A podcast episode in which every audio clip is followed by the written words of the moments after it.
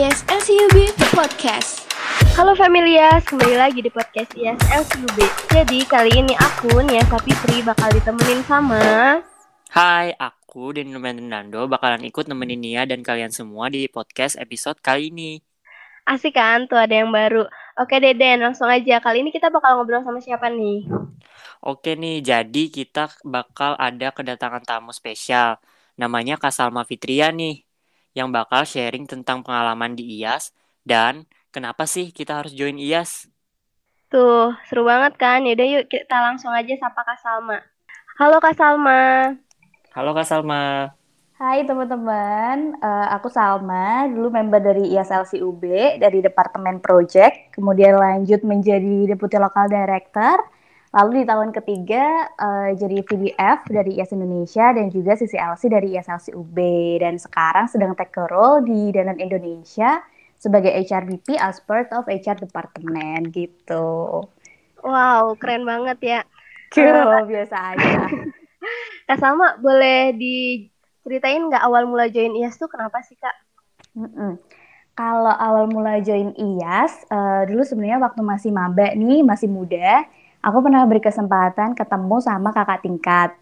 Nah, uh, kakak tingkat ini keren banget. Dia dulu satu jurusan sama aku. Dia aktif IAS, bahkan sampai di level IAS World. Namun, tetap aktif perlombaan dan juga akademiknya tetap bagus banget gitu.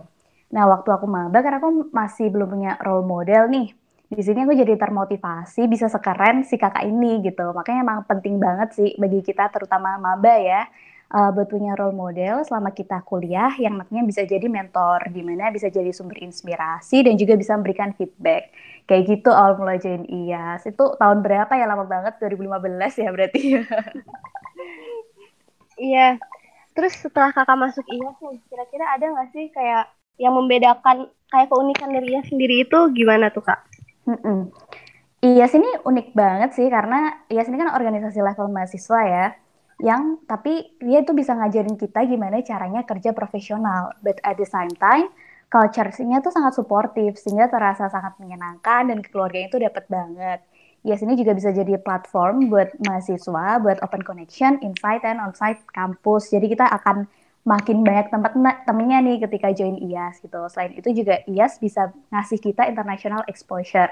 Pada saat itu waktu aku maba, aku ngelihat organisasi ini sangat precious banget sih buat dijoinin gitu. Karena akan banyak banget yang bisa aku dapat ketika aku join IAS gitu. Makanya aku uh, daftar IAS dan ternyata emang terbukti gitu. Keren banget kan organisasi kalian ini ya kan? Iya. Oke berarti ya setelah masuk IAS kak Salma bisa dapat lah ya kayak impactnya buat diri kak Salma sendiri juga. Bener banget. Oke kak Salma Oh ya kak, aku juga pengen nanya nih. Kalau dari cerita Kak Salma tadi, kayaknya kakak ini tertarik banget ya pengen masuk IAS. Terus uh, banyak yang unik juga kan dari IAS. Nah, kan kakak udah join IAS nih.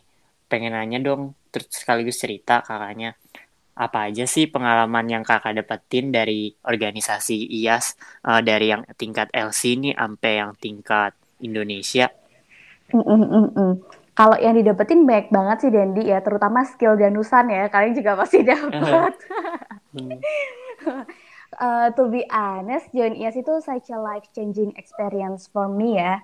Karena aku ngerasa aku bisa elevate beberapa skills dari organisasi ini gitu. IAS ini juga organisasi yang memberikan learning opportunity yang besar banget. Jadi selama aku tiga tahun nih, dari awalnya maba banget, project departemen, lalu lanjut menjadi deputy local director, dan tahun ketiga uh, menjadi vice director of finance IAS Indonesia, aku selalu dapetin pembelajaran yang berbeda gitu, baik yang intangible maupun tangible. Nah, makanya uh, aku tetap melanjutkan IAS ini terus dari aku maba sampai aku akhir hampir akhir kuliah kayak gitu kan tiga tahun lama banget tuh. Nah kalau pengalamannya sendiri dari tingkat LC, aku rasa yang paling dapat banget itu tentang project management ya, yang sampai sekarang pun masih bermanfaat banget buat aku dan aku nggak bisa dapetin uh, di akademik gitu selama kuliah. Project management itu seperti apa? Seperti time management, terus habis itu how to develop creative and innovative ideas, terus analytical thinking karena kan ketika kita mem membuat suatu event kita harus analyze problemnya kayak gimana, terus juga harus bisa nyelesain problemnya itu sendiri gitu. Dan yang paling kerasa banget adalah financial planning karena aku waktu itu uh, anak pangan yang tiba-tiba jadi DLD kayak gitu kan ngurusin uang banget tuh. Jadi belajar dari nol banget tentang financial planning yang sampai sekarang pun masih aku pakai kayak gitu. Itu kalau dari LC. Kalau dari nasional sendiri uh, pengalaman yang didapetin tuh lebih ke pengalaman manajerial karena kita kan ngelit 8 LC ya dari 8 university yang berbeda-beda. Selain itu ketika kamu jadi NC, kamu harus reporting ke IAS World gitu. Selain itu juga kita harus reporting juga ke sesama NC. Jadi pengalaman yang didapat itu lebih ke how to managing communication with others, lalu how to be a great leader dan juga mentor, lalu gimana caranya kita desain suatu strategi dan juga gimana caranya execute itu ke 8 universitas. Selain itu juga belajar adaptif untuk understand different culture dan people kayak gitu. Terus yang paling kerasa banget adalah uh, sekarang kan aku udah kerja nih uh, dengan mengikuti IAS ini tuh aku bisa menumbuhkan rasa optimisme gitu loh, lebih lebih lebih optimis aja karena dulu udah pernah ngelakuin uh, ngelakuin project dari nol banget sampai sampai terjadi. Jadi uh, itu sangat penting banget sih ketika di dunia kerja kayak gitu. Wow, berkesan sih. banget sih kayaknya Masa pengalaman sih? Kak Salma. Kalian juga harus Eh. harus harus bisa berkesan berarti ya nanti ya. Iya. Iya Nah. benar. Kak mau nanya lagi dong. Mm-mm. Eh, selain pengalaman kakak yang cukup serius gitu, eh, ada nggak sih kak pengalaman yang lucu dan kayak pengen eh pengalaman itu kayak nempel mulu, kayak keingat mulu kayak gitu loh selama di Mm-mm-mm. IAS. Oke, kalau pengalaman yang nempel banget itu apa ya? Hmm, ini sih, aku dulu eh, panitia VCP kan. VCP itu dulu masih tahun pertama, jadi pindah desa itu di tahunku banget itu. Berangkat dari UB ke Taji, sekarang masih di Taji kan ya VCP? Iya masih kak. Iya masih Hmm, kak. di Taji, kan itu jalanannya dulu jelek banget ya. Dan harus pakai motor sendiri-sendiri. Itu pengalaman yang sangat berkesan banget sih. Berasa berasa apa ya? Berasa masuk ke hutan yang jalannya masih jelek banget, naik-naik, najak-najak itu pengalaman banget sih. Jadi setelah itu aku jadi lebih bisa mengendari motor dengan baik lah intinya setelah jadi panitia VCP. Kayak Iya. gitu. Terus selain itu apa ya? Banyak banget sih sebenarnya pengalaman ya bisa ketemu sama orang-orang desa juga dari VCP, terus habis gitu bisa ketemu sama orang-orang di luar kampus juga, ketemu sama teman-teman LC kayak gitu. Oh iya. Terus kak dari pengalaman kakak tadi, kakak pasti kan dapat kayak sesuatu nilai atau value yang penting gitu. Nah, Mm-mm. dari value tersebut yang bisa kakak implementasikan atau aplikasikan ke kehidupan sehari-hari kakak apa aja sih bisa diceritain nggak kak? Mm-mm-mm. Kalau value-nya sendiri, yang tadi aku bilang di awal, IAS ini sebagai life changing experience banget ya buat aku ya, karena waktu itu emang aku dari maba banget nih, udah masuk di IAS gitu, kayak udah mendarah daging banget lah IASnya gitu. Kalau value-nya yang didapat lebih ke aku jadi orang yang lebih agile, terus lebih adaptif sama suatu perubahan dan juga lebih bisa bertanggung jawab karena di IAS kan kita sering ya dikasih project yang kadang banyak gitu projectnya. Gimana caranya kita bisa responsibel di project-project itu dan bisa ke-execute semua. Kayak gitu sih. Itu penting banget sifat-sifat itu ya, agile, adaptif, sama responsibel. Once kamu masuk ke dunia kerja, itu sangat diperlukan banget gitu. Jadi aku bersyukur banget sih bisa dapetin itu, bisa belajar lebih dulu di IAS. Gitu, Dendi. Oh, iya. Jadi gitu teman-teman. Sebenarnya IAS ini bisa kasih kita apa sih kayak pengalaman yang tentunya seru dan menarik. Benar banget. Hmm, iya tuh. Aku penasaran sama sama yang tadi sifat adaptable itu ya kak. Nah, kayaknya sekarang juga bakal kepake banget ya, apalagi kita lagi situasi pandemi gini. Itu penting banget ya kak. Mm-mm-mm, Penting banget sih.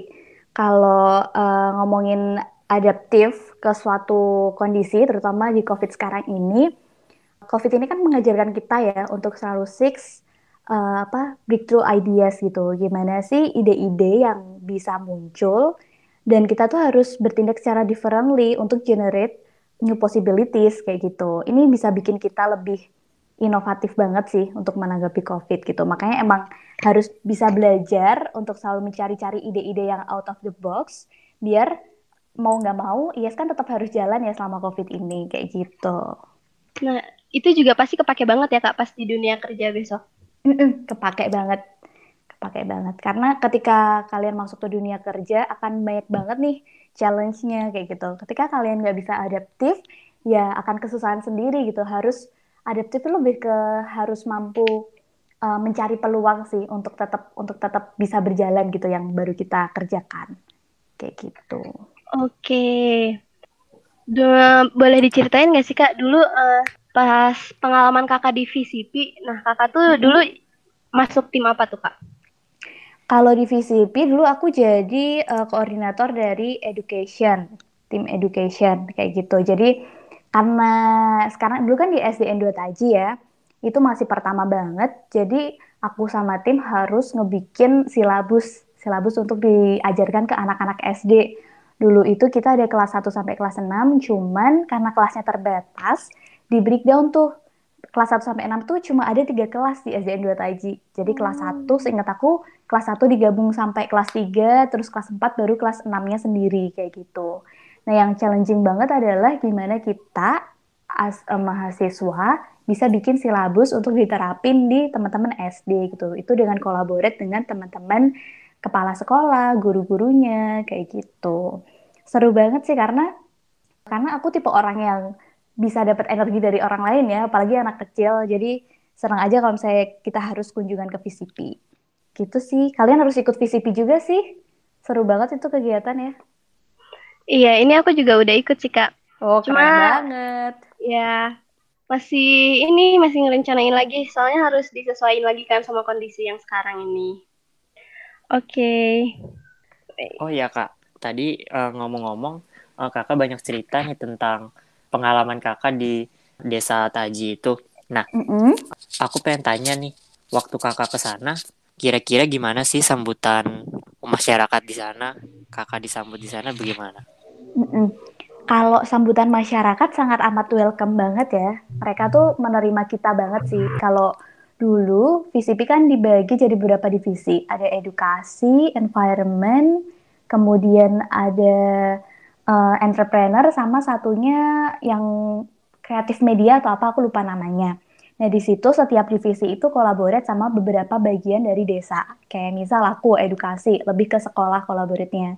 Terus yang entrepreneur lebih ke ibu-ibu. Terus kalau yang environment lebih ke bapak-bapaknya gitu. Jadi uh, pendekatannya tuh dapat banget gitu dan mereka sangat ramah gitu. Kita bahkan sering banget diajak untuk ikut ke kegiatan desanya, nginep di sana, merah susunya, kayak gitu. Susu sapi kan baik banget tuh di sana. Terus habis itu uh, ngebersihin uh, desa wisatanya, kan mereka punya itu ya, semacam coban gitu ya, air terjun gitu ya.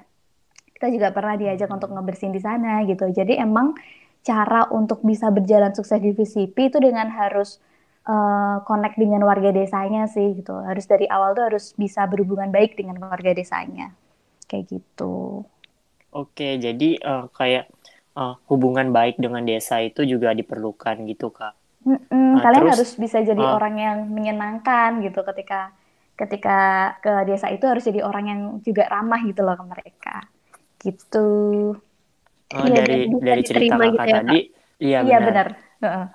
Terus dari cerita kakak tadi, banyak kontribusi yang sudah dilakukan kayak gitu. Uh, ngomong-ngomong tentang kontribusi, uh, aku mau nanya nih ke kakak sendiri.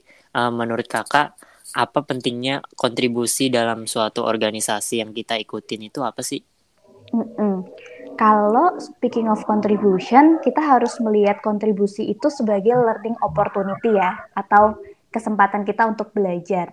Jadi kita harus memandangnya semakin banyak kita berkontribusi akan semakin banyak learning atau pembelajaran yang kita dapat, which is a very good start bagi kita sebagai mahasiswa untuk menjadi modal nantinya ketika melamar pekerjaan gitu.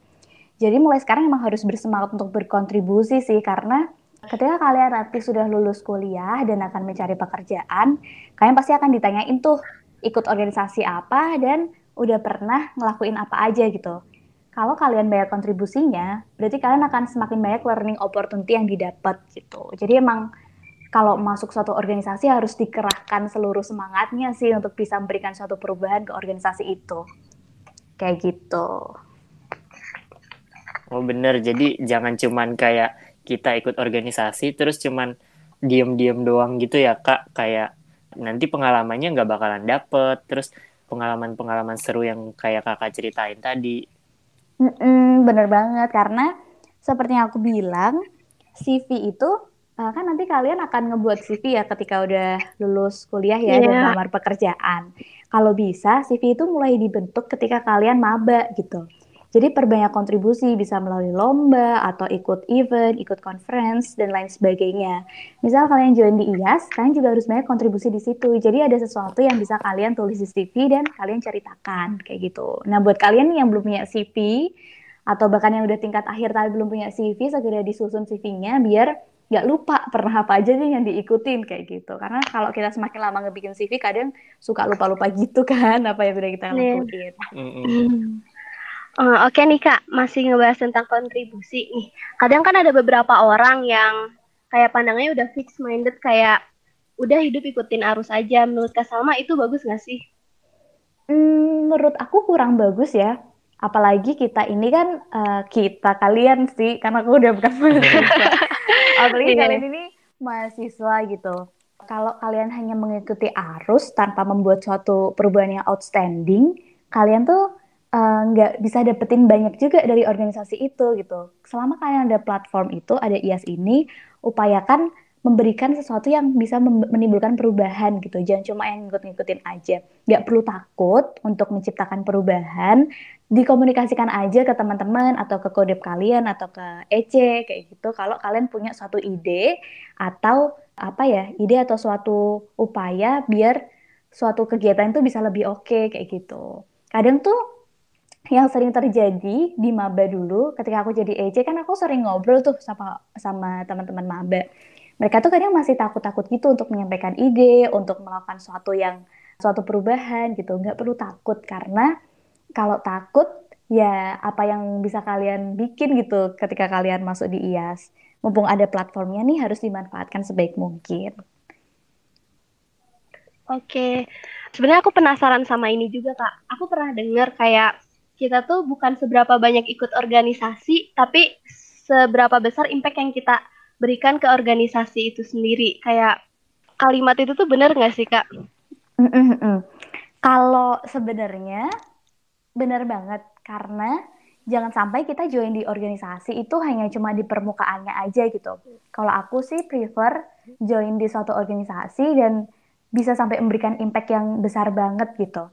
Karena kalau kalian terlalu banyak join organisasi dan nggak bisa mengatur waktunya juga malah hanya ikut-ikutan aja kayak yang tadi Nia sempat bilang ya. Tapi kalau kalian ini tipe orang yang memang bisa mengatur waktu, ya nggak ada salahnya juga untuk join beberapa organisasi. Lebih dari dua itu juga nggak masalah, selama kalian bisa memastikan memberikan impact yang sama ke organisasi tersebut. Kayak gitu. Hmm, Oke Kak Salma, ini bahas tentang CV juga nih Kak. Nah untuk Mm-mm. CV sendiri itu kebanyakan kalau pas kelamar kerjaan nih, mereka lebih ngelihat eh, balik lagi sih kayak tadi lebih banyak organisasinya atau ke kegiatan yang berhubungan sama apa kayak prodi yang kita ambil gitu Kak. Mm-mm-mm. Sebenarnya bukan bukan CV itu menurut aku bukan seberapa banyak organisasinya ya, cuman seberapa besar impact yang kamu berikan di suatu organisasi kayak gitu.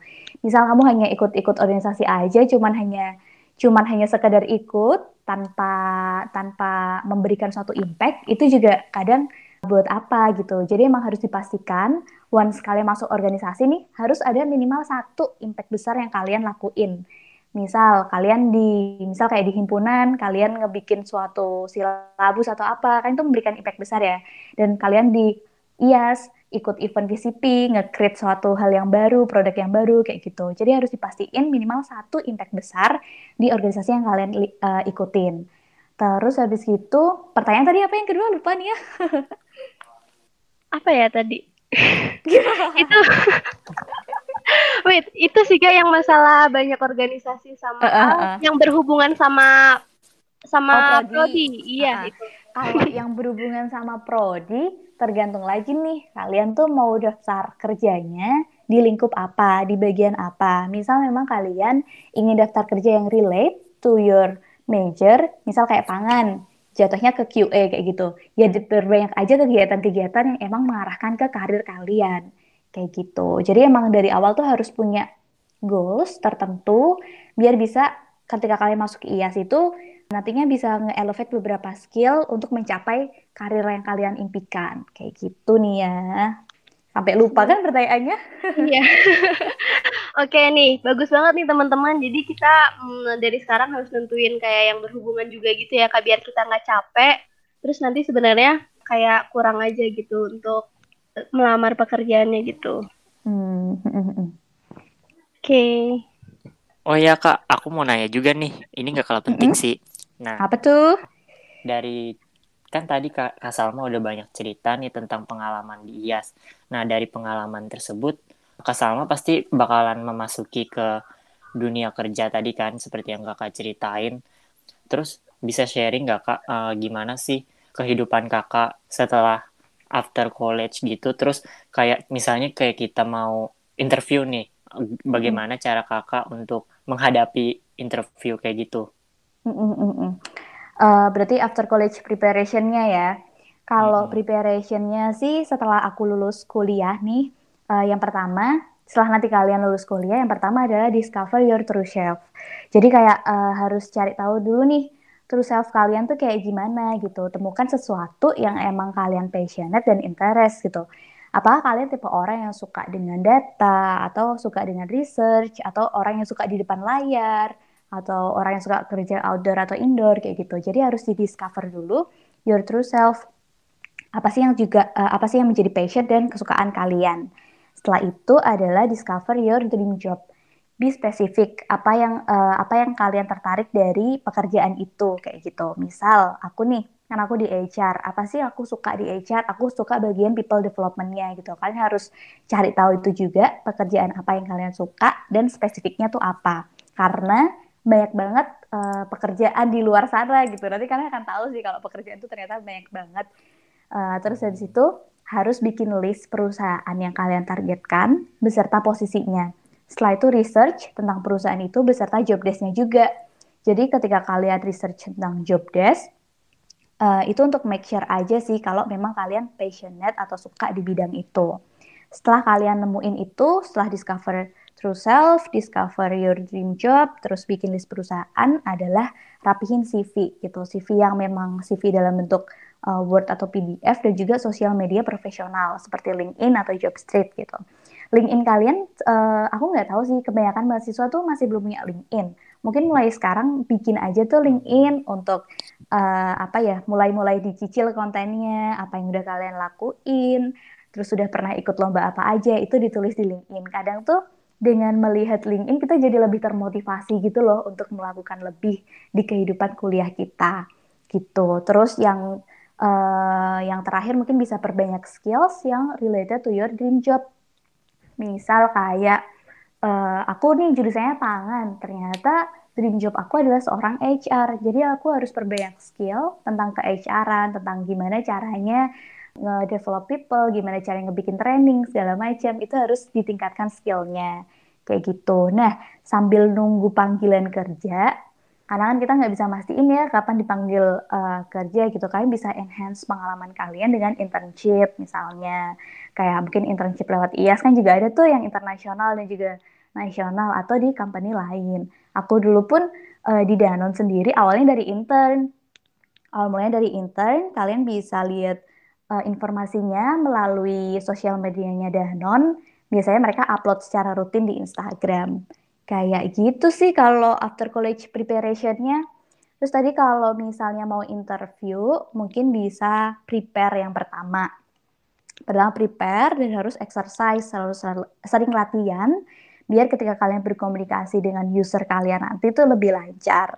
Terus yang kedua harus research company-nya, perusahaan kalian yang mau kalian uh, daftarin itu seperti apa kan harus tahu visi misinya segala macamnya jadi ketika ditanyain itu kalian gak gelagapan gitu. Terus yang ketiga juga harus having a clear understanding tentang job desk-nya. Terus yang keempat be your best self aja ceritain aja uh, apa yang pernah kalian lakuin. Makanya dari sekarang dari sekarang banget nih sekarang nanti setelah podcast ini keluar masing-masing harus berbanyak experience di luar masa kuliah ya. Karena kuliah itu nanti di CV hanya cuma menyumbang IPK aja sih di CV itu sendiri. Makanya uh, experience lain tuh didapetin di luar perkuliahan gitu. Dengan cara apa? Bisa pak dengan organisasi bisa dengan conference bisa dengan event uh, dan juga beberapa lomba-lomba kayak gitu. Itu sih dulu yang aku siapin ya setelah aku lulus kuliah gitu tapi persiapan itu juga harus dilakukan uh, dilakukan saat kita maba gitu. Dari maba sampai akhir tuh ada journey-nya sendiri gitu Oke, jadi biar lebih ketata juga ya kak, biar nggak kelupaan pas dari awal maba udah ngikutin apa juga, terus kayak Mm-mm. bikin gitu. Mm-mm, Ah. benar Oke nih kak sama. Dari kakak pribadi, perbedaan kontras apa sih yang paling kerasa antara dunia kerja dan organisasi dalam li- dan dalam lingkup pertemanan gitu kak? dalam lingkup pertemanan Iya. eh kalau perbedaannya sendiri sebenarnya jelas berbeda ya kalau di organisasi kan eh, biasanya kita bertemu dengan teman-teman yang memang seangkatan, yang seusia gitu ataupun yang mungkin beda angkatan beda 1 sampai 2 tahun gitu. Jadi kita bisa lebih santai kalau misal ngobrol, bisa lebih bisa lebih apa ya? Bisa lebih nggak ada eh, nggak ada nggak terlalu untuk harus sopan gitu. Sedangkan kalau di dunia kerja pertemanannya kita bertemu dengan diverse orang gitu dan culture-nya pun beda-beda gitu. Jadi emang harus lebih lebih lebih tertata gimana cara komunikasinya, gimana behave ke orang itu sendiri gitu. Namun dengan berorganisasi di IAS ini, ini sendiri, kan aku bertemu dengan banyak orang juga selain dari eh, satu universitas yang sama. Aku bertemu dengan orang-orang di desa, aku bertemu dengan Iya. beberapa partner kayak gitu. Nah, itu bisa ngajarin kita gimana caranya communicate secara profesional kayak gitu. Jadi makanya once kalian masuk satu organisasi nih, misal kita sebut IAS aja nih, kita masuk IAS, kita harus pastiin kita bisa komunikasi dengan orang yang bisa mengasah skill komunikasi kita gitu dengan cara apa ya dengan cara partner atau orang di luar organisasi kayak gitu. Oke, jadi memang kayak skill komunikasi juga bisa dikembangin sama ikut organisasi gitu ya kak? Bener, bener banget. Oke kak Salma. Nah, BTW nih Kak, orang-orang awam kayak misalnya kayak orang di luar sana kan pada belum tahu nih tentang perbedaan tentang IAS eh, LC sama IAS yang udah sampai ke tingkat Indonesia. Eh, kakak bisa ceritain nggak gimana tuh? Mm, mm, mm. Kalau perbedaan berorganisasinya sendiri sih so far hampir sama ya karena culture dan visi misi dari IASLC kan implementasi dari IAS Indo kayak gitu. Cuman yang membedakan adalah skupnya di mana kalau IAS Indo kita berbicara lebih dari satu LC jadi harus mikirin ideas dan juga inovasi yang applicable di seluruh LC. Meanwhile kalau kita di LC ya kita fokusnya hanya di satu LC aja. Selain itu eh, jelas pengalamannya pasti berbeda. Kalau di IAS Indo lebih ke skills manajerialnya itu bisa dapat banget dan bisa terasa. Karena kan yang tadi aku sempat mention juga, kita ngelit 8 LC, jadi harus berpikir gimana caranya bisa jadi great leader, great mentor, dan lain sebagainya. Keduanya sama-sama seru, makanya harus dicoba. Kalian tuh harus bermimpi sampai ke IAS World gitu ketika join di IAS. Jadi terus termotivasi kayak gitu. Karena pasti pengalaman dan cerita yang didapat pasti beda. Gitu. Oh iya bener, Eh, kayak dari pengalaman kakak tadi, kayak eh, dari proker-prokernya juga kayak lebih kompleks gitu ya kak. Mm-mm, benar banget. Oke kak Salma, kan banyak juga tuh dari pengalaman kakak entah ikut organisasi atau apa, terutama di IAS. Nah, menurut kakak sendiri, gimana sih cara mengoptimalkan potensi kita melalui organisasi untuk self development sendiri gitu kak?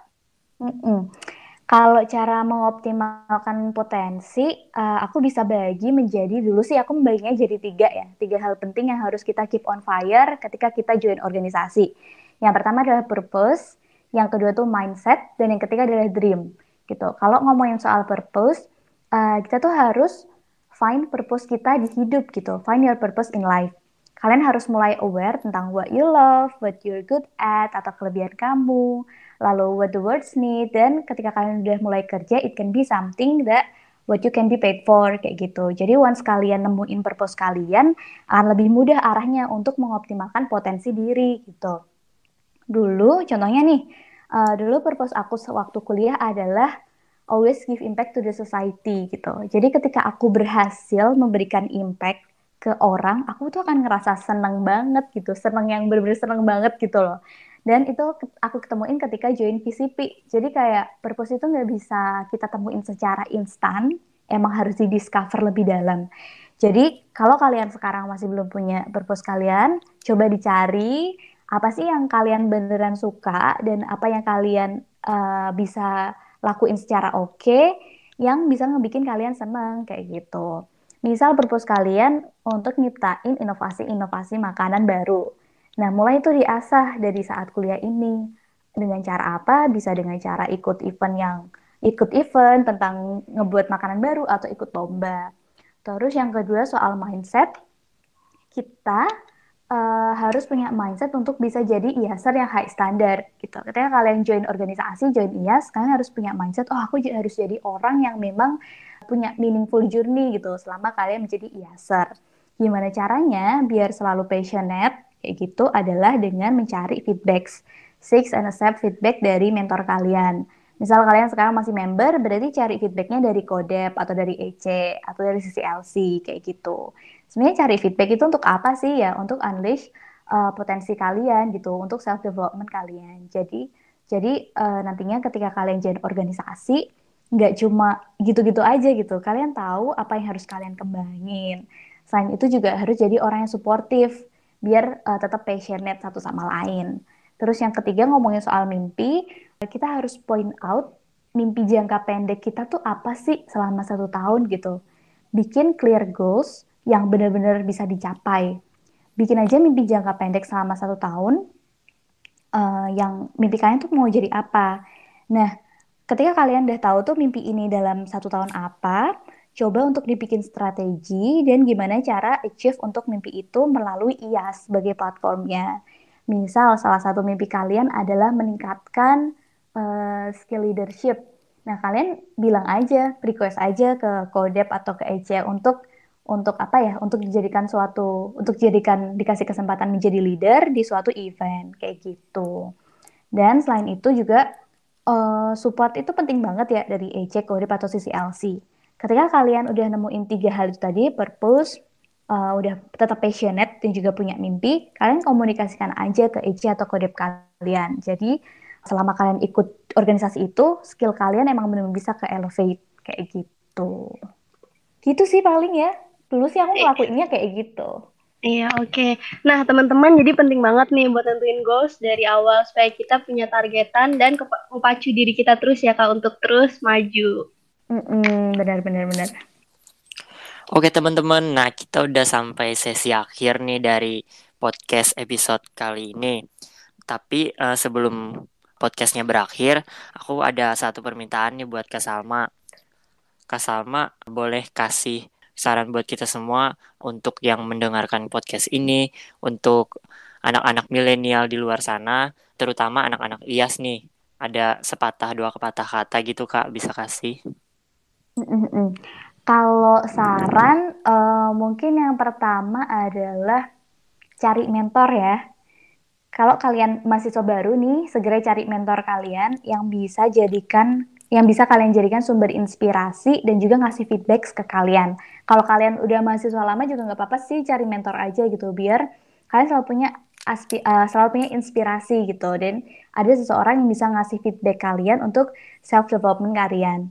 Terus yang kedua mungkin uh, tetap tetap belajar, selalu belajar. Jadi karena IAS ini jadi platform pembelajaran selain dari perkuliahan selalu cari learning opportunity di IAS dan juga uh, tetap passionate kayak gitu sih mungkin ya. Keren banget loh pengalamannya sumpah. Iya, yeah. makasih ya Allah. Semoga oh. kalian bisa kayak gitu juga ya dan harus harus harus bisa sih harus bisa dan Amin. harus bisa lebih dari itu juga kayak gitu. Amin. Ya, itu jadi penting banget ya kak harus punya mentor gitu ya. Hmm, menurut aku penting ya karena kita kan nggak tahu nih kadang maba tuh masih bingung arahnya mau ke mana. Jadi harus punya mentor yang bisa ngasih feedback gitu. Dan juga visi visi dan juga misi kalian selama kuliah tuh harus jelas. Tadi itu clear, clear uh, ngebikin clear goalsnya. Kayak gitu. Wow. Jadi tercerahkan sih asli. Oke, okay, makasih banyak ya Kak Salma. Sama-sama Nia dan Dendi. Sama-sama Makasih ITS juga, Kak. Salma. Sama-sama. As usual, IS Smart, professional, think globally, effortlessly. See you later.